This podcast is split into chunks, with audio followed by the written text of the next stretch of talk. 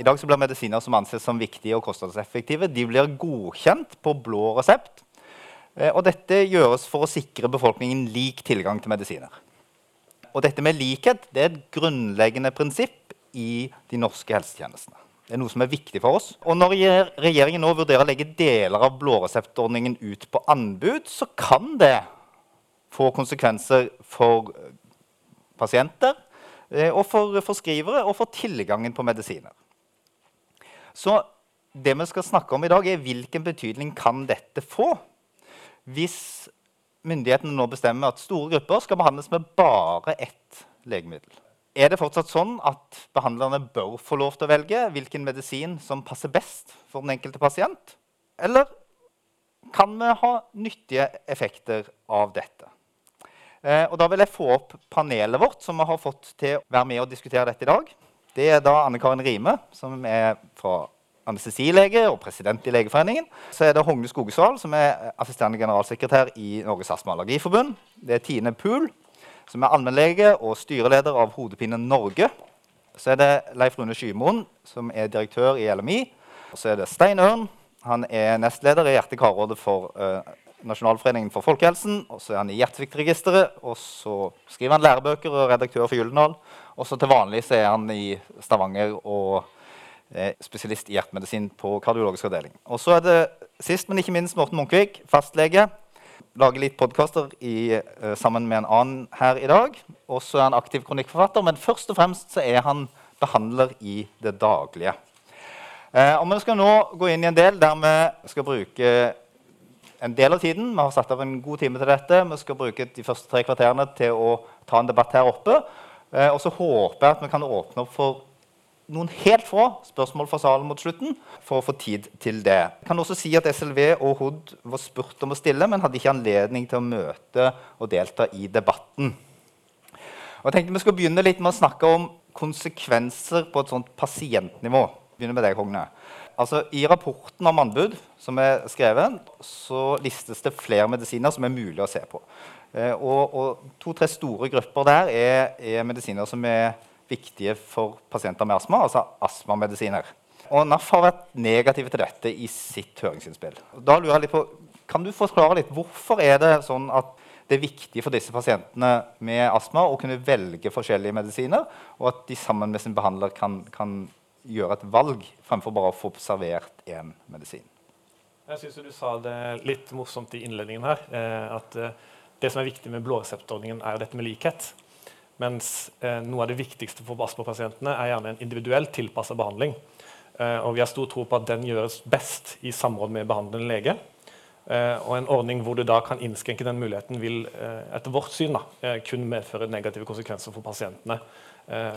og det er også en slags overprøving av den Eh, kompetansen som legen der har, hvor de følger disse pasientene opp og ser hva de gjør. Og jeg har snakket med flere pasienter den siste tiden om dette her, eh, blant våre medlemmer, og de, de, sier det samme. De som har måttet bytte eh, behandlingsmidler underveis, de har gjort det fordi legen har sett at dette fungerer ikke. det er noe vi prøver noe nytt. Og så gjør de det gang på gang, helt til de finner den som fungerer. Og Skrenker du inn den muligheten, så er det helt klart at det går ut over pasientsikkerheten. Har du noen konkrete eksempler på at dette har medført komplikasjoner for pasientene? Altså, jeg, har, jeg, har, eksempler på at bytte av medisin har gjort det, når ikke det er ønsket av pasienten. Eh, så det er ikke helt det samme, men eksempelvis har man eh, kommet til, til behandlende lege, fått utskrevet medisin, hatt en god dialog med legen sin, og så kommer man på apoteket og får en annen medisin. Det er jo litt det samme som kan skje her i praksis. da. Eh, og så opplever man da en dårligere effekt av det. Noen av de pasientene jeg har snakket med, sier da de vet jo hva de skal spørre etter. De vet hva som er utfordringen for dem, og de snakker med apoteket om dette. Men det forutsetter et ganske høyt nivå av kompetanse blant pasientene for at det skal fungere. Eh, og de andre pasientene som ikke vet det, de opplever en nedgang i sin eh, allmenntilstand og dårligere oppfølging blant, eh, av sin sykdom. Da. Ja. Tine, dere jobber jo med veldig mye med migrene. Mange pasienter med migrene og det vet vi som er behandlere, har behov for å prøve ut mange forskjellige medisiner. Og det senere tid har det også kommet flere nye behandlingsprinsipper for pasienter med migrene. Kan du eksemplifisere litt hva dere tenker i, eh, i Hodepine Norge at dette kan få for konsekvenser for den pasientgruppen som hovedsakelig dere eh, jobber med? Migrenepasientene står jo nå for hugg fordi CGRP-hemmerne, som er de mest moderne migrenemedisinene vi har, eh, står nå på planen for denne anbudsordningen. Og jeg vil bare høre om det er noen i salen her som kan fortelle meg hvilken av disse tre nøklene som passer i hengelåsen, uten å prøve. Som bare kan gjette seg til det. Eller kanskje til og med en fjerde kan passe. Jeg kan ikke. Dette må pasienten prøve ut selv i samarbeid med legen. Og vi har sett nå gjennom disse årene hvor vi har hatt CGRP-antistoffene på markedet, at pasientene har forsøkt flere forskjellige. Først den ene, så den andre, kanskje til og med den tredje, før de finner den som har best effekt med minst bivirkninger for den enkelte. Og det er ingen sneflak i verden som er like. Det er heller ingen pasienter som er like. Og jeg kan ikke vite på forhånd hvilken medisin pasienten skal ha. Og hvis vi nå får en slik anbudsordning, så kan vi risikere at vi sitter igjen med én CGRP-hemmer fordi de andre trekker seg ut av markedet. Og det vil ha svært negative konsekvenser for denne kroniske pasientgruppen. Og husk på en ting til, at migrene det rammer i ung alder. I yrkesaktiv alder, samme som fertil alder. Det er den alderen hvor vi skal ha skolegang, utdannelse, eh, skape familie og karriere. Og det er da den rammer verst. Og hvis vi tar fra den gruppen medisinene, så står vi altså veldig bare igjen. Morten, du sitter og skriver ut. Altså, du, din hverdag består i å møte pasienter. Og, og jeg tenker, Har du noen eksempler på situasjoner der, der, det å kunne velge fritt, og der din erfaring som fastlege har betydning for hvordan du gjør dine beslutninger? Min eh, hverdag som fastlege eh, består som du sier, å treffe mest mulig pasienter. Jeg har et helt koppel med veiledere og retningslinjer å forholde meg til, som eh, baserer seg på forskning. Og den forskningen den eh, bygger på statistikk, og da snakker vi om grupper. Hvordan forskjellige tiltak eh, virker på gruppenivå. Når jeg treffer mine pasienter, så er det mine pasienter jeg treffer. Og hver enkelt pasient er en nøkkel på ditt knippe. Og da er jeg nødt til å prøve å bruke det som står i retningslinjene og veilederne, og se om det passer på min enkelte pasient. Men det er ikke alltid at det gjør. Fordi at statistikk handler om grupper, mens jeg ser enkeltindivid. Det er en vesensforskjell. For vi vet veldig godt at dersom du er eh, høyere enn gjennomsnittet i Norge, så er ikke du for høy. Eh, du er bare deg sjøl. Eller for lav i forhold til gjennomsnittet. Du er deg sjøl.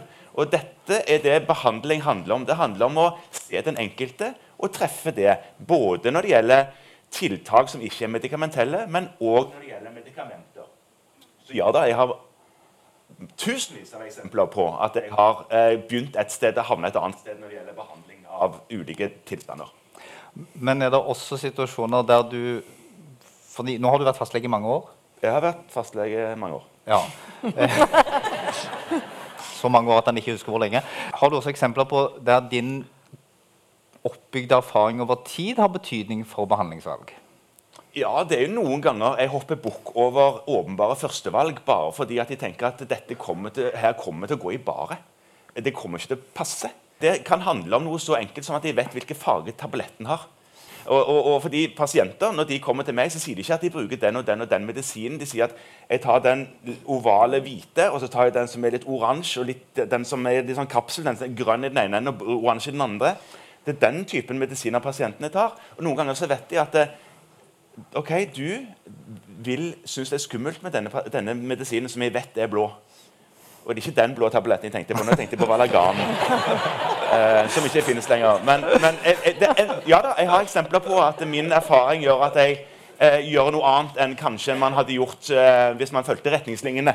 Anne Karin, Legeforeningen har skrevet et langt høringsinnspill til, eh, til, dette forslaget og sier at dette kan få negative konsekvenser for pasientene. Kan du utdype litt hva Legeforeningen mener om dette?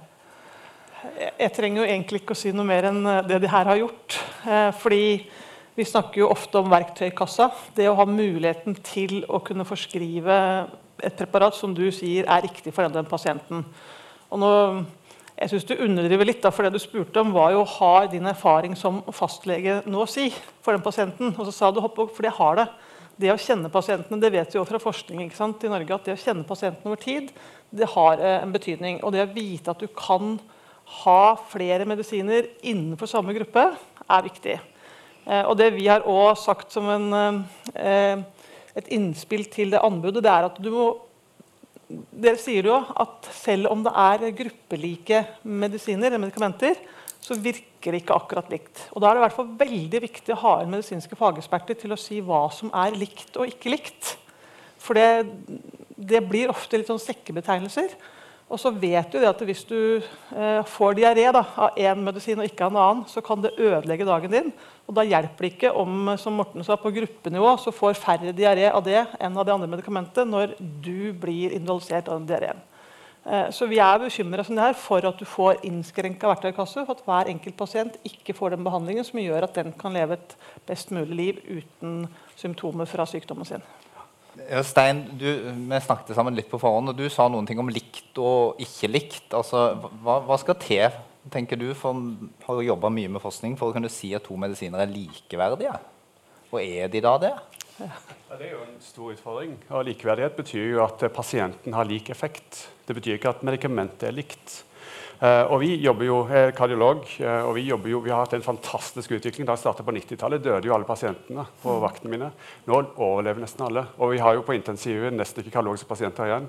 Og Det er jo en konsekvens av en veldig fantastisk utvikling når det gjelder medikamentelle alternativer. Vi jobber innenfor rammer, men vi ser på hvert individ at vi er nødt til å tilpasse det ut ifra det behovet som individet har. Og Det dreier seg om har du en betablokker Eh, så er det forskjellige typer beta-blokkere. Har den A2-blokker, har den ACE-hemmer. Alle de medikamentene vi har nå, er nødt til å spesialtilpasses for pasientens behov. Og det er pasientens behov. Det er der vi snakker om likhet. Mm. Og så tenker jeg følge opp en ting, Hogne, som Du sa noen ting om dette med bytte med, med medisiner. og Så, så det, står det i disse eh, utredningene som er gjort, at, at, når anbudet går ut, så må man da kunne tenke at den nye anbudsvinneren eh, også få lov til å skifte de pasientene som står på en medisin, over til den nye anbudsvinneren. Eh, og du var litt inne på at Det er noe som kunne skape store konsekvenser for dine pasienter. Kunne du sagt noe om hvordan dere tenker om en sånn forordning? Egentlig hele prinsippet der, og De har på en måte vært inne på det her nå, når, når det nevnes bare at fargen på pillen kan være avgjørende for hvilken behandling du som lege anbefaler pasienten din, så kan du se for deg i tillegg at du har gått på en medisin kanskje da i to år i en anbudsperiode, som skal ristes. Og så får du beskjed om at nei, den nye medisinen skal absolutt ikke ristes, men den har samme effekten. Uh, og kanskje den ene du hadde, skulle oppbevares i kjøleskapet. Det skal ikke det nye gjøre. Og i tillegg, på toppen av det, så har den en annen farge. Uh, og Hvis du da kanskje er Olga på 80, som uh, har, i tillegg har litt angst fordi hun har slitt veldig med pusten sin, det er det som gjør at hun må ta denne medisinen, så sier det seg selv at det er ikke en, en veldig betryggende situasjon å havne i. Og når det kanskje da i tillegg begynner å skje jevnt over tid, hver andre år kanskje, jeg vet ikke hvor lenge disse periodene blir, da, så det varierer litt kanskje, men la oss si det skjer hvert andre år, da, så er det ganske åpenbart at det kan i høyeste grad medføre feil, eh, brukerfeil da, i større grad enn det gjør per i dag. Hva tenker du Morten, om hvilke merarbeid det kunne påvirke gi deg? Ja, jeg får jo eh, litt sånn frysninger her. fordi at vi har eh, veldig god forskning nylig, eller nylig i fjor, eller når tid det var forfjor kanskje til og med nå, som viser at eh, i Norge så har fastlegen en unik stilling i et folkehelseperspektiv. Det å ha hatt fast lege, den samme fastlegen, i hva var det, ti år, tror jeg. Over ti år. 15? Ja, ok, Rundt der omkring. Lenge. Hvis du har hatt det, så kan du forutsette at den pasienten kjenner fastlegen, og legen kjenner deg som pasient. Det reduserer sykelighet, men det reduserer òg sannsynligheten for å dø. Eh, og det er et sånn relativt viktig poeng i livet å unngå å dø. Eh, sånn det, og Grunnen til at det skjer, det er jo nettopp det Anka sier. Det er fordi at vi kjenner pasientene og vi har anledning til å hoppe bukk over ting som vi vet ikke vil fungere. Vi kommer rett og slett raskere til riktigere behandling. Vi treffer ikke blink hver gang, på ingen måte, men vi har større forutsetninger for å gjøre det. Og nå har jeg glemt hva du spurte om. Eh, men, men, poenget er i alle fall at eh, vi reduserer fordi vi har dette, denne verktøykassen som det blir snakket om. Fordi vi har anledning og mulighetene til å navigere i et mulder av valg som noen ganger er frustrerende, i alle fall når du skal prøve å huske navnet på alt dette her. Men du har det valget. Du har muligheten. Da har du sjansen til å redde liv, faktisk. Det jeg spurte om, var ja, eh, Hvis eh, alle dine pasienter for eksempel med en inhalasjonsmedisin etter to år plutselig får beskjed om at nå skal de bytte til en annen medisin Ja. altså I din hverdag, hvordan ser det ut? Det ser kaotisk ut. For det jeg vet jo at jeg bruker ganske mye tid på å lære opp mine pasienter i riktig bruk av medisinen. Det er jo bare én av tre som tar inhalasjonsmedisiner riktig helt sånn av seg sjøl. Og det er ikke mange. Det er omtrent som om du fikk en tablett utskrevet, og så var du usikker på om du skulle ta den i munnen eller bak. Du, du lurer jo ikke på det sant, når det er en vanlig tablett, men når det gjelder inhalasjonsmedisiner eller device-medisiner, som er en eller annen dings som gir medisin, f.eks. en inhalasjon eller en penn som injeksjon, eller noe sånt, så bruker jeg mye tid på opplæring. Og det, hvis det blir hvert annet år, da, at du får en ny dings som du skal lære deg, ja, nei, da, da må jeg jo um, Da er jeg sikker på at det vil redusere uh, riktig bruk av eh, dingsen. Øke sannsynligheten for dårligere kontroll av um, sykdommen og kanskje sykehusinnleggelser. Anka? Jeg må hjelpe Morten litt. Ja. ikke sant? Fordi det er, enda, det er enda verre. Det er noe som heter compliance. Altså, vi tror, vi leger, at uh, pasientene gjør som vi sier, og det gjør de jo ikke. Og det vi vet, er at hvis du skal skifte medikamenter så ofte, så vil færre ta som du sier, medisin ikke riktig, eller vil ikke ta den i det hele tatt. Og så er det det her byråkratiet. da Vi må inn på IKT. Det er ikke noen systemer som er så lette nå at du vil få opp de her skiftene. og eh, det er jo også veldig viktig i forhold til anbudsprosessen. Skal du bare kunne krysse av et sted, eller skal du begynne å skrive en søknad nå hvis Morten har funnet at jeg skal ha noe annet enn det som er eh, anbudsvinner? Det vil gjøre at en allerede som vi vet, en overarbeida fastlegestab vil ha enda større utfordringer, uten at vi får noe mer helse ut av de kronene. Og Da passer det egentlig fint å gli litt over å snakke litt mer om hvordan dette kan påvirke de som faktisk sitter og skriver ut disse medisinene. Og Det er det jo flere av de som står her som gjør. Det begynner litt med deg, Stein. Du holder på med mye, det hørte vi, men, men veldig ofte så ja, Jeg får epikrisa fra deg fra kardiologisk avdeling når du sitter på sviktpoliklinikken og behandler pasienter med forskjellige medisiner. Og, og Hvis du liksom tenker litt mer på, på din hverdag, hvordan vil den bli påvirka av at du på en måte får en med medikament å forholde deg til innenfor en, en terapigruppe? Ja, det er jo helt åpenbart. Vi har jo diskutert dette nå. Det er jo pasienten sitt behov vi skal ivareta. Det er det vi skal bruke medikamentet til. Ellers er det bortkasta. Da er penger ute av vinduet. Det vi skal gjøre, er å forlenge livskvaliteten og livet til pasientene. Og det gjør vi gjennom å formidle kunnskap fra oss til pasientene, sånn at de kan forstå hva medikamenten betyr for dem. Og det, vi skal ikke lære dem navn på ett medikament, men vi skal lære dem forståelsen av hvordan medikamentet virker. Det øker gevinsten med 30% på effekten av legemidlene. Og det er individbasert. Og det betyr ikke bare det at eh, pasienten må få kompetanse, men vi må ha kompetanse. Og det får vi gjennom den erfaringen vi har hatt med den konflikten som er mellom forskjellige legemiddelfirmaer som diskuterer disse medikamentene mot hverandre, som gjør at vi får innsikt i de grunnleggende og forstå hva er det disse medikamentene egentlig har sitt utgangspunkt i. Hvilke mekanismer er det de virker på. Så når det kommer en pasient med én egenskap, så har vi forståelse for hvordan vi er nødt til å justere medisinene for å få optimalisert den behandlingen. Og husk, Vi snakker om enorme kliniske gevinster av å gjøre riktige valg i den sammenhengen her. Morten, noen ganger så sitter man som, som særlig som ung fastlege Vi snakker mye om, om denne berømte fastlegekrisen. Og så kunne det ikke vært en forenkling, da?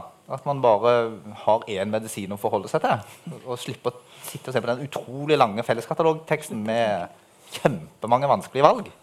Jo, og, og vanskelige eh, navn. Ja. Mange navn. Nei, Man bruker jo mye tid på å lære seg forskjellige alternative medisiner.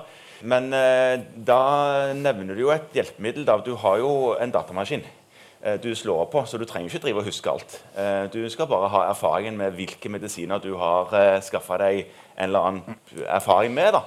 Så jeg syns jo ikke det er noen sånn eh, veldig behagelig følelse å tenke at jeg for det første skal bli knebla på å måtte skrive ut én ting først, og så, hvis jeg velger noe annet, hvis det er mulig i det hele tatt, eh, måtte gjøre veldig mye på byråkrati for å få til det. Du nevnte jo at min jobb består i å se pasienter. Hvis jeg ikke ser pasienter, så gjør ikke jeg jobb. Og dette vil jo bety at jeg bør bruke mer tid på papirarbeid. Og det vil jeg ha minst mulig av. Det, dette har Legeforeningen sagt noen ting om. altså Hvis man da av forskjellige medisinske årsaker ikke kan søke, bør det være- være en mulighet for å finne et alternativ. Uten tvil. Og da sa dere noen ting i høringsinnspillet om, om at dere er litt usikre på hvordan dette ser ut. Hvordan fungerer dette i dag? Nå har vi jo kun denne piloten, da. Ja.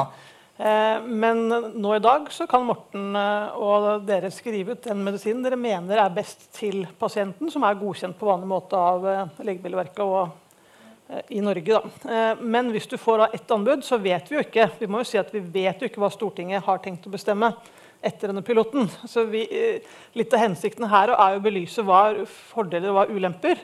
Og klart, Det man ønsker, er jo å bruke fellesskapets penger på best mulig medisiner, sånn at vi får mye helse ut av det.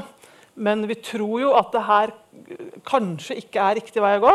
Det har jo ikke landa ennå, men vi vet at det å innskrenke legens mulighet til å foreskrive eh, medikamenter vil gjøre at du har færre muligheter til å treffe akkurat alle de pasientene du har foran deg.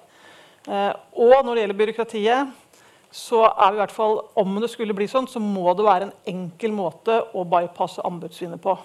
Hvis du skal begynne å skrive for hver pasient, så vil det være færre pasienter som får riktig behandling. For det er travelt. Så da må det være en avhukning, og så må det være en tillit i systemet på at legen ønsker å hjelpe den pasienten han har foran seg, eller hun. Og at det ikke kan føre til at du skal skrive side opp og side ned til x antall søkeinstitusjoner. Morten? Ja, og fordi Akkurat dette finnes jo på en måte i en light-versjon allerede i dag. For hvor ofte er det ikke du kommer til eh, apoteket, og så sier apoteket ja, legen din har skrevet dette, men du kan heller få den. Men hvis du vil ha det legen skrev, så må du betale ekstra. Eh, så kommer pasienten tilbake til meg på kontoret og så sier du, jeg fikk noe annet på apoteket. Det fungerte like bra. Eh, er det greit? Ja, det er greit, sier jeg da. Men noen ganger så kommer det og sier jeg fikk noe annet. Jeg syns ikke jeg fikk den samme effekten av dette. Å, sier du det? Og så snakker vi litt om det. Og da kan det være at jeg finner det nødvendig å gjøre den byråkratiske jobben og sette et kryss på resepten, hvor det er byråkratiet som er involvert per i dag. For jeg sier nei. Når denne pasienten kommer til, til apoteket, så skal han ha denne medisinen, for det har vi bestemt, fordi det blir best for denne pasienten. Det er et byråkrati jeg kan leve med. Funger, det fungerer i dag, og da ligger en medisinsk vurdering bak det krysset som står i journalen. Eh, jeg har lyst til å gå litt tilbake til en ting Stein, som, som vi også var inne på. Det er det med at eh, når, når, nå dette er foreslått med anbud på medisiner på blå resept, så er det da i hovedsak tenkt på medisiner som er ganske nye. Eh, fordi at her er kostnadene store. og eh, den positive effekten av å kunne senke prisen på nye medisiner vil være stor samfunnsøkonomisk. Og, og En av de tingene som Brakkfang sier, det er jo det at det kan jo også gi en raskere tilgang til medisiner på blå resept, fordi man får prisen ned i et område som gjør det lettere å få igjennom. Men du hadde noen negative tanker rundt det å ha lange kontrakter på nye medisiner, Stein, faglig sett i forhold til beskriver fokuset? Ja, eh, selvfølgelig. Mitt ønske er jo å gi flest mulig av mine pasienter best mulig behandling. Uh, og det er klart at Hvis det økonomiske er begrensningen, så må man jo selvfølgelig vurdere det. og jeg forstår veldig godt det perspektivet der.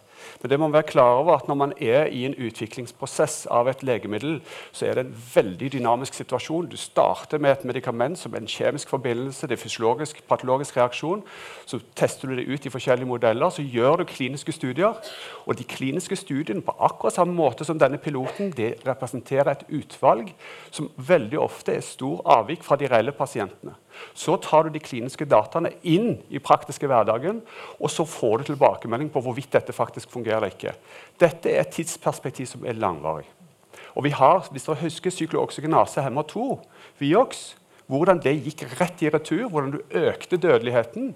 Når man introduserer medikamenter på et feil tidspunkt, så vet vi at dynamikken i dette her er veldig ustabil i den tidlige fasen av utviklingen av et medikament. Og tidlig fase det dreier seg om 10-15 år. Og Hvis jeg nå da skal ha et medikament som blir nødt til å gi til en pasient, så kommer det en stor studie ett år senere som sier at det medikamentet fungerer ikke. Hva gjør vi da for noe? Hvordan skal vi da forholde oss til dette? Dette her er sånn klinikken har vært, og det, den erfaringen jeg har hatt opp gjennom hele perspektivet med den suksessen vi har hatt når det gjelder utvikling av nye medikamenter. Den dynamikken der ivaretas ikke med dette prinsippet som vi nå prøver å fremstille. Du har lyst til å kommentere på det? Eh, altså vi, vi, Fra industriens side vi er jo veldig skeptiske til, eh, til, denne løsningen. Og det er jo nettopp det vi hører her, eh, de vitnesbyrdene fra de som står pasienten nærmest. At eh, det fører til eh, Vi i verktøykassa, det er ulemper med knyttet bytte. Det, er, eh, det vi er redd for, er at det i sum gir dårligere helse. og at det i sum, da, det som man ment for å spare penger, faktisk gir økte kostnader for samfunnet. Så Derfor så er vi skeptiske til det. Og da det gjelder det Viox-eksempelet, så, så, heldigvis er det jo ekstremt sjeldent uh, at, at, vi får noe slikt. De fleste, aller, aller fleste regler som, uh, som treffer markedet, de viser seg å virke på den uh, måten vi forventer, og ha den, den sikkerhetsprofilen vi, vi forventer. Ja. Jeg har en kommentar. En anbudsrunde på Nå snakker jeg om hodepine og migrene på CGRP-hemmerne. Eh, vil kunne medføre at the winner takes it all. Og det er liksom slageren på SLV. The winner takes it all. Den er helt umusikalsk i mine ører. Har man liksom tenkt på konsekvensene både for pasientene og for samfunnet? Vi så hvordan det virket på pasientene da det kom opp den her eh, drug holiday-perioden, hvor alle skulle av medisin i tre måneder. Vi gjorde ikke annet enn å snakke med pasientene på chatten som er på Hodepine Norge, jeg jobber som hodepinelege også, pasientene altså Alle samtaler gikk ut på det. Vi fikk ikke gjort noe annet enn å roe ned pasientene. Det samme vil skje hvis de nå får vite at du mister den medisinen du har, for nå er det en anbudsvinner, nå er det the winner takes it all som du skal over på nå. De kommer til å få panikk. Jeg lover deg, de kommer til å få panikk. De har begynt å jobbe igjen. De går på skolen igjen. Hva skjer hvis de ikke går på skolen? Litt fravær skaper mer fravær. Vi var ikke på skolen i går, fordi, og da var det gruppeoppgave, så jeg går ikke i dag heller. Det heter etter hvert skolevegring hos barn og ungdom. Hos voksne heter det arbeidsavklaring og uføretrygd. Det ønsker vi ikke.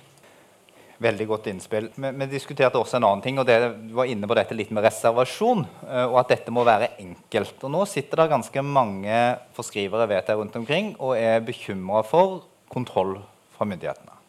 Eh, og vi hadde for er det halvannet år siden nå, en, en, en liten periode med bøter for feil eh, forskrivning på blåresept.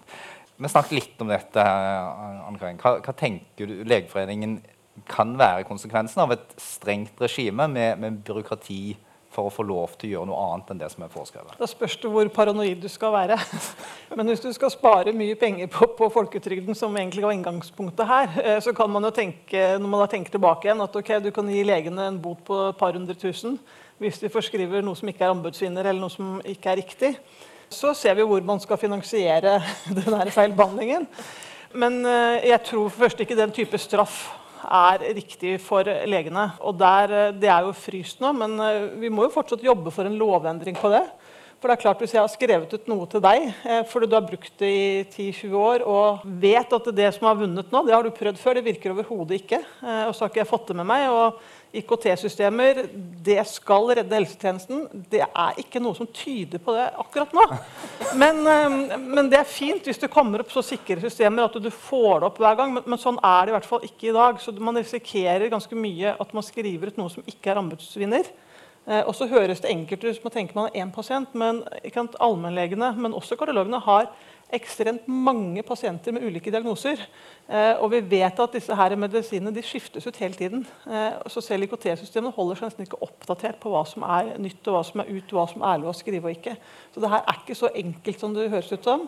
Og legene har ingen vinning selv i å skrive ut et eller et annet preparat. Eh, de ønsker å skrive ut det riktige, så jeg håper at i hvert fall eh, vi er enige om at straff for å skrive feil for noe som er riktig for pasienten, eh, er en saga blått. Stein? Jeg vil bare si det samme. og Det er en stor utfordring å være oppdatert kontinuerlig. Mm. Vi ser f.eks. innenfor atrieflimmer så har vi Verapamil i to varianter. Vi har vanlig Verapamil som man tar tre ganger daglig, eller Isoptin retard eller Verapamil retard som kan ta to ganger daglig. Verpamil som du skal ta tre ganger daglig, det kan du ta for atrieflimmer. Men du har ikke det på blå resept for to ganger daglig. Akkurat samme virkestoff. Helt absurd. Mye billigere. Bare Eksempel. Et annet eksempel er at innenfor hjertesviktbehandling så er en veldig viktig behandling mot noe som heter alostronantagonister, som er et hormon som gir væske og hjerteskade. Da er den billigste medisinen. Den heter spironlakton. Den gir veldig fine pupper. og det er Derfor bruker Madonna den også. Ikke fordi hun har hjertesvikt, men for store pupper. Problemet bare er at hvis du er mann, så får du også store pupper. Hvor er blåreseptordningen der? Ikke i det hele tatt. Vi har masse sånne eksempler, og det er en stor utfordring å være oppdatert på disse tingene her, som har store konsekvenser for pasientene. Og det er ikke lett å få dette til å være til stede hele tiden. For du må være virkelig inne i detaljnivå. Det klarer ikke små grupper å håndtere. På, hvis du ser på retningslinjene som gis fra det europeiske selskapet EC, så er det jo 50 stykker som er involvert for enkelte små segmenter. Og de eh, fornyes nesten hvert eneste år med oppdateringer. Det er enormt krevende å klare seg å sitte sånn og ta sånne type beslutninger. Jeg tenker vi kan vride oss litt over til å snakke om, altså Dette handler om at vi har eh, selv om vi er verdens rikeste land, vi har begrensa med penger å bruke. Og vi må på en eller annen måte finne en måte å begrense kostnadsstigningen i eh, medikamentutgiftene. Så det får jo konsekvenser, og så, da må man tenke litt overordna. Det er det man her prøver å gjøre. Men en av de tingene som har vært løfta fram som en større konsekvens av et eventuelt anbud, det er da to ting. Det er, og det er problematisert i rapportene. Det er da beredskapssituasjonen. altså Vil du kunne gå tom for medisiner hvis en anbudsgiver har vunnet et stort anbud? Eh, og vil det få betydning for andre eh, konkurrenters markedsføringstillatelse? Da lurte jeg på Leif Rune, om du kunne si noen ting om hvordan LMI har uttalt seg om dette? Altså, Vil det skje, eller er det, er det ramling? Eh, nei, men det, det, føyer seg litt inn i altså, totalbildet her. Hva er det som er lagt vekt på eh, da han har eh, gjort denne piloten? Eh, for vi har jo vi har fire legemiddelpolitiske målsettinger eh, i landet her. Og her virker det som det er satt, satt, eh, sett bare på den ene, som handler om lavest mulig pris. Å spare penger. Og det er tatt lite hensyn til alle de tingene som jeg syns er veldig godt dekt av eh, alle de andre som, som, som, prater her nå. Og til, til, til, spørsmålet med mangel og beredskap, så bare for å ta, ta det elementet først, så er det jo altså Ulempen med en eh, anbudsprosess eller med, et anbud er at den ofte er ganske slik svart-hvitt. Du får ett legemiddel som er foretrukket. Og selvsagt vil jo det da ha, eh, til, ha konsekvenser for tilgjengeligheten av eh, alternativer. Fordi hvis du er et legemiddelselskap og du, du, har et legemiddel som da ikke vinner anbudet, så selvsagt så har du ikke da et lager og et en stort berg av legemiddelet ditt liggende klart til Norge i tilfelle noen allikevel skulle finne på forskrive det. og skulle det da komme en endring eller det kommer en mangelsituasjon på det foretrukne legemiddelet, så vil det ta måneder å få skrudd opp igjen. Selv om alle står på huet og prøver å gjøre alt de kan. Så vi bygger jo inn en, en sårbarhet Eh, så i hvert fall, hvis, hvis, hvis, vi skal gå den veien, så må vi passe på så vi ikke får slike like løsninger med bare ett foretrukket legemiddel som er helt svart-hvitt. for da, da, øker vi sannsynligheten for at det kan komme mangel, mangelsituasjoner. Ellers så tenker jeg jo det at eh, altså Hvis du ser på eh, Det kan jo òg ha konsekvenser for, for tilgjengeligheten til legemidler i en litt annen forstand. fordi at eh, Eh, våre medlemmer de er jo de som jobber for å gi tilgang i, til pasienter i Norge til, til, både nye og eksisterende legemidler. Og nå er ikke her, den ordningen her kanskje den som skiller seg ut mest, men vi har jo en ganske god tradisjon i Norge for å skille oss ut i det å legge vekt på penger og pris eh, snarere enn de andre, andre elementene. Det føyer seg inn i rekken da, som gjør at eh, våre, hos våre selskaper så står Norge ofte ut med like rødt trafikklys i ulike dashboards, fordi det er et land som er krevende å f.eks. lansere nye legemidler. da. Dette gjør det jo ikke akkurat lettere på, i, i, i, så måte heller. og det, det, som da i siste instans det går utover, det er jo pasienter i Norge som ikke får tilgang til de legemidlene som finnes. Hva tenker, ja, Nå kan dere få lov til å melde, dere som driver med behandling. altså altså for tilgang på nye medisiner. Hvordan vil det slå ut? Altså, jeg, er jo, som, jeg er opptatt av dokumentasjonen for det som vi gir til pasientene. og Det tar tid å etablere. Som jeg sier, Det er å gjøre en studie for å se om medikamentet virker. Det krever jo at du velger ut grupper. Og det, at det er da i en populasjon for en pasient som du skal ivareta, så er det viktig at du forstår mekanismene, at du kan tilpasse deg. Denne pilotstudien lurer litt på når jeg tenker på i forhold til dette tiltaket, ville den blitt godkjent hvis vi hadde sendt den til eh, og, og Hadde vi fått det godkjent akademisk? Jeg er ikke sikker på det. og Jeg tror det er veldig viktig at man har selvinnsikt også. Husk at det er dere selv og det er deres pasienter. altså Det er dere og deres familie vi snakker om også. Vi snakker ikke om et samfunn bare, vi snakker om alle oss. Og vi har hatt en sånn en suksess de siste årene med det vi har gjort. Vi bedrer prognosen, vi reduserer symptomer, vi forlenger levetiden, og vi reduserer kostnaden på sykehusene sammenlignet med sånn som det var da jeg startet på 90-tallet. Det er helt annerledes nå i forhold til den type pasientkategori som vi hadde store problemer med da. Og Da må vi ha en interaksjon mellom det offentlige, mellom de som har produsert legemidlene og de som har gjort forskningen, for at vi skal ha den kompetansen til å gjøre de riktige valgene. Hvis de fratar legene det, da er vi skikkelig ute å kjøre. Da kan vi bare kansellere hele greien, og så kan vi bare gå inn og så kan vi bare plotte oss inn på dataskjerm, og så kan vi prøve hvordan det går, og det kan jeg fortelle går rett i dass. Det er enig. Ja, en, en, kommentar til det. Og denne omleggingen, forbedringen av folkehelsen som Stein beskriver, som har vært veldig tydelig for ham i kardiologien, ser man jo òg. Jeg husker jo den tiden hvor man hadde astmapasienter som ble blå på kontoret. På fastlegekontoret. Det kan jeg ikke huske sist. Og Det handler jo òg om tilgangen til bedre medisiner, som man eh, kan behandle enda mer ute i primærhelsetjenesten hos meg som fastlege. Sykehusene har nesten ikke inneliggende pasienter lenger. De har en poliklinisk virksomhet, men veldig mye kan med trygghet overlates til meg, som ikke har lest like mye kardiologiartikler som Stein.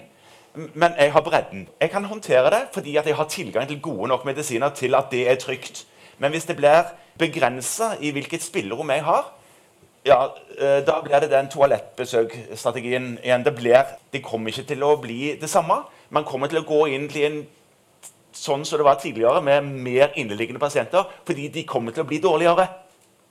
Jeg kan ikke ta de lenger. De må inn til Stein. Anne Karen. De kan komme til meg som intensivlege òg, men det er ja. veldig dyrt. Ja. det er fryktelig, og, og, det er helt riktig det begge dere sier. ikke sant? Vi, det, er to ting. Jeg har òg jobba noen år. Starta tidlig på 90-tallet. Men uh, hjertestanspasienter synes jeg er en veldig godt eksempel. som du sier. Det ser vi nesten ikke. Når jeg begynte på intensiv, så lå de eventuelt der for å dø. Nå ser vi de nesten ikke, og hvis du ser de, så overlever de med full intensivbehandling og trenger da masse medisiner. Men de overlever og har et godt liv, og ofte er det ganske unge pasienter. dette også. Eh, så det at folk overlever, det koster penger også på blåreseptordningen. Ja. Og som du sier, astmapasienter, det kan jo du bekrefte. Før eh, fikk vi de ofte inn på intensiv de, de, lever et mye mer aktivt liv nå. Nesten, altså, vi vet at det er toppidrettsutøvere som tar astmamedisiner, i hvert fall. Skal vi ta den diskusjonen. Men vi ønsker, det vi beskriver, er jo at medisiner og medisinsk utvikling har gjort til at flere lever eh, det vil si gode, fullverdige liv. Og det tror jeg vi må passe på at er det viktigste det er det, det er det, som er viktigst for oss som har valgt å bli leger. At vi ønsker at vi kan hjelpe flest mulig på best mulig måte. Tine? Ja, Vi stiller jo litt i en annen kategori, fordi vi dør ikke av migrene. Nei, heldigvis. Men livskvaliteten Hvis dere visste hvor mange pasienter som har sittet på mitt kontor og sagt Er det sånn det er å leve? Etter at de har fått de nye medisiner. Det er en helt ny æra vi er inne i nå.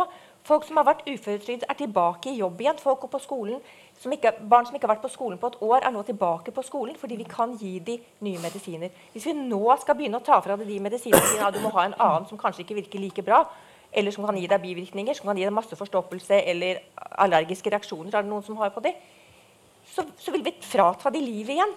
Og det, det, kan vi ikke gjøre. Og nå er det plutselig også blitt en helt ny æra innenfor interessen. Eh, for noen år siden var det ikke noen som kom på migrenekurs lenger. Det var liksom, Hvis vi hadde ti på kurset, yeah, bra. Nå er det overfylte kurs med ventelister fordi legene er igjen interessert. Fordi vi kan behandle. Så la oss nå få lov å fortsette å behandle de pasientene. Hogne. Ja, jeg bare synes Det er litt viktig å, å legge merke til en ting. Altså, I den gjennomgangen som liksom lagde grunnlaget for piloten, så står det faktisk ganske tydelig der at ordningen vi har i dag med blåreseptordning, har en positiv effekt allerede på å styre prisen på legemidler i Norge. Eh, så hvorfor man starter her, jeg synes det er også et viktig spørsmål å ta med seg i denne diskusjonen. Hvorfor skal man gjøre dette hvis det åpenbart er sånn at legemiddelbransjen og fagforeningene og pasientforeningene ser de negative konsekvensene her, og det fungerer? Så det synes jeg er veldig viktig å ha med. Og så synes jeg samfunnsøkonomien i det, som de er inne på her også, hvis det medfører mer bruk og feil, hvis det medfører flere eh, dårligere sykdomskontroll, så har det også en samfunnskostnad. Og det, Da er det ikke sånn at bare du kutter kostnad på en medisin, så vil det være gunstig i et folkehelseperspektiv. da. Eh, og så vil jeg bare si, Nå tegnes det liksom et slags glansbilde her av astmatikerspasienter som har det så mye bedre. Og det er helt riktig. Det stemmer, det. Men en ting som er interessant er at nå har det vært gjort en del tiltak for å begrense pris på legemidler i Norge. Og Jeg skal ikke stå her og forsvare legemiddelindustrien og si at de ikke priser for høyt. Det kan godt hende de gjør det. Eh, men det er to ting vi skal ha med seg der. Det ene er innovasjonsbiten i det. For det at de priser høyt, har nok definitivt en effekt på nyutvikling og forskning. Um, så ikke begrens det så mye at man i hvert fall unngår, mister det elementet i det. Og så er det det andre at mens man har i hvert fall på vårt sykdomsfelt, mens man har begrensa prisene gradvis, f.eks. gjennom byttebrett i apotek, så har altså sjansen, eller risikoen for at du blir reinnlagt for de sykdommene som vi representerer, økt. Så det er åpenbart at det er en effekt der også som, som man skal ha med seg. Synes jeg. Vil du kommentere på det? Rune? Ja, jeg kan jo bare si amen, uh, hvis jeg skal gjøre det kort. Men, men altså, eh, det du er inne på her, syns jeg veldig godt poengterer eh, det litt for snevre synet vi har på verdien av legemidler som verktøy eh, i Norge. Fordi vi har veldig lett i Norge for å se på prisen, summen nederst på fakturaen, og så er det den vi gjør alt vi kan for oss å begrense men det har ulemper, og det er de ulempene du hører her beskrevet for, eh, for, pasienter, for de som står i en travel eh, legehverdag, og det har òg ulemper økonomisk for samfunnet vårt. Så vi må bli mye flinkere i Norge til å se hele samfunnsnytten av eh, legemidler og andre innsatsfaktorer i, i, helsevesenet. Vi er faktisk mye flinkere på det på andre samfunnsområder. der vi bygger en vei eller vi gjør andre ting, så, så klarer vi også å se ok, ved å investere i det, hva får vi ut i andre enden. Mens på legemidler så har vi det er ganske spesielt, men vi har den der, at vi skal bruke minst mulig penger. At det, det er det som er eh, den politiske føringen. Og det, I det tilfellet her så er det helt tydelig at det er den som har gått før, og de andre politiske målsettingene som har blitt satt til side. Stein? Fra mitt perspektiv så er det veldig viktig å forstå dynamikken i utvikling av medikamentelle strategier. Hvordan utvikler kunnskapen seg? Fra den fasen hvor vi bare har teori, til vi har det i praksis, og til vi faktisk prøver det på pasienter. Hvis du, du gjør dette her i feil fase, så er vi skikkelig ute å kjøre. Du må være klar over det. For har de foreslått nå å bruke SGLT2-hemmere inn i dette. her. Det viser at da forstår man ikke hvor man er i en sånn utviklingsfase. Når man har etablert de kliniske dataene og vi forstår hvordan tingene virker, da kan man begynne å diskutere det. Da forstår jeg perspektivet. Men utfordringen er den dynamiske situasjonen her. SGLT2-hemmere gjør at du tisser ut sukker. Alle vet at glukose ikke er bra det evolusjonsmessig fremmedlegeme i kroppen vår. 20 000 år siden fantes ikke. Så vi har lagd systemer som skal måte bevare glukose i kroppen vår. Og de er farlige. Hvis du blokkerer det i nyrene, sånn at du tisser ut sukker, så har du faktisk ikke i nyrene, men i hjertet og overlevelsesgevinster potensielt sett av det. Men de studiene som kommer nå, de viser at det er stor forskjell mellom forskjellige grupper personer som har gevinst av dette. her. Og vi forstår ikke helt hvordan disse tingene virker. Og så skal de inkluderes her nå. Det er altfor tidlig. Og da må man vise at man har forståelse av hva er den prosessen som kreves for at vi skal kunne etablere en medikamentell strategi som er hensiktsmessig. Og man må ikke gå feil inn i det tidsforløpet her og ødelegge den prosessen som kreves for at vi skal kunne gi god behandling til pasientene våre. Og Det er det jeg frykter, sånn som situasjonen ser ut nå. Hanne Karin? Bare litt videre hva dere begge sier. Det her med forskning eh, i Norge. Noen ganger så lurer jeg på hva vi har brukt alle våre penger til. Fordi det har jo ikke vært eh, offentlig satsing på forskning og utvikling av legemidler. Eh, det er det legemiddelindustrien som gjør for oss, både nasjonalt og internasjonalt.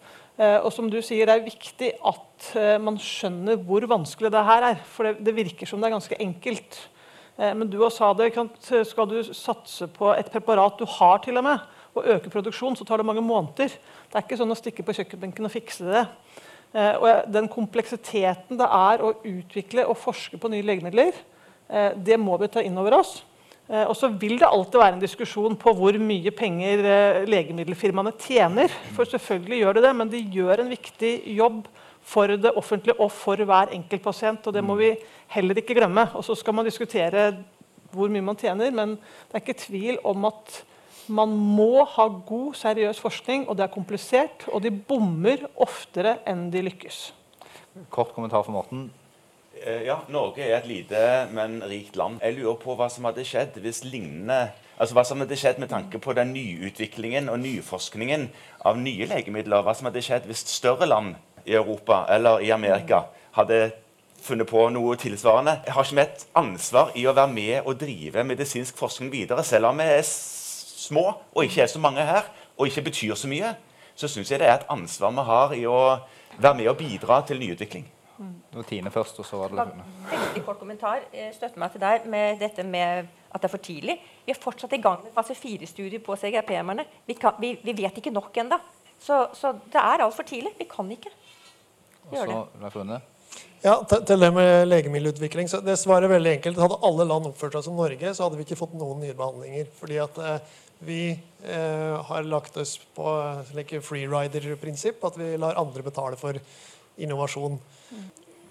Ja, det, der, der, igjen så går det på, å se verdien av det vi, vi driver med i, i Norge. Både som eh, industri, eh, altså både produkter vi kommer med, men også alle tjenester og all den innovasjonen som vi kommer med.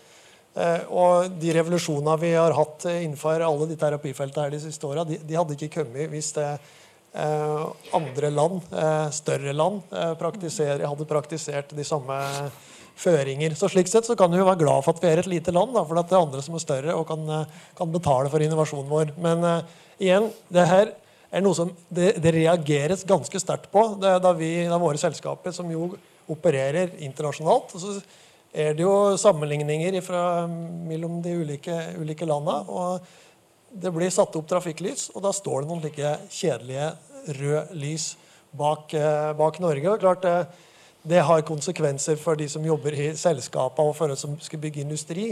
Men det har faktisk òg konsekvenser for pasienter i Norge, fordi det, det gjør det vanskeligere å trekke ressurser hit. Det gjør det vanskeligere å få nye lanseringer hit. Eh, og det gjør det vanskeligere f.eks. Å, å drive kliniske studier i Norge, som jo er en viktig kompetansebygger.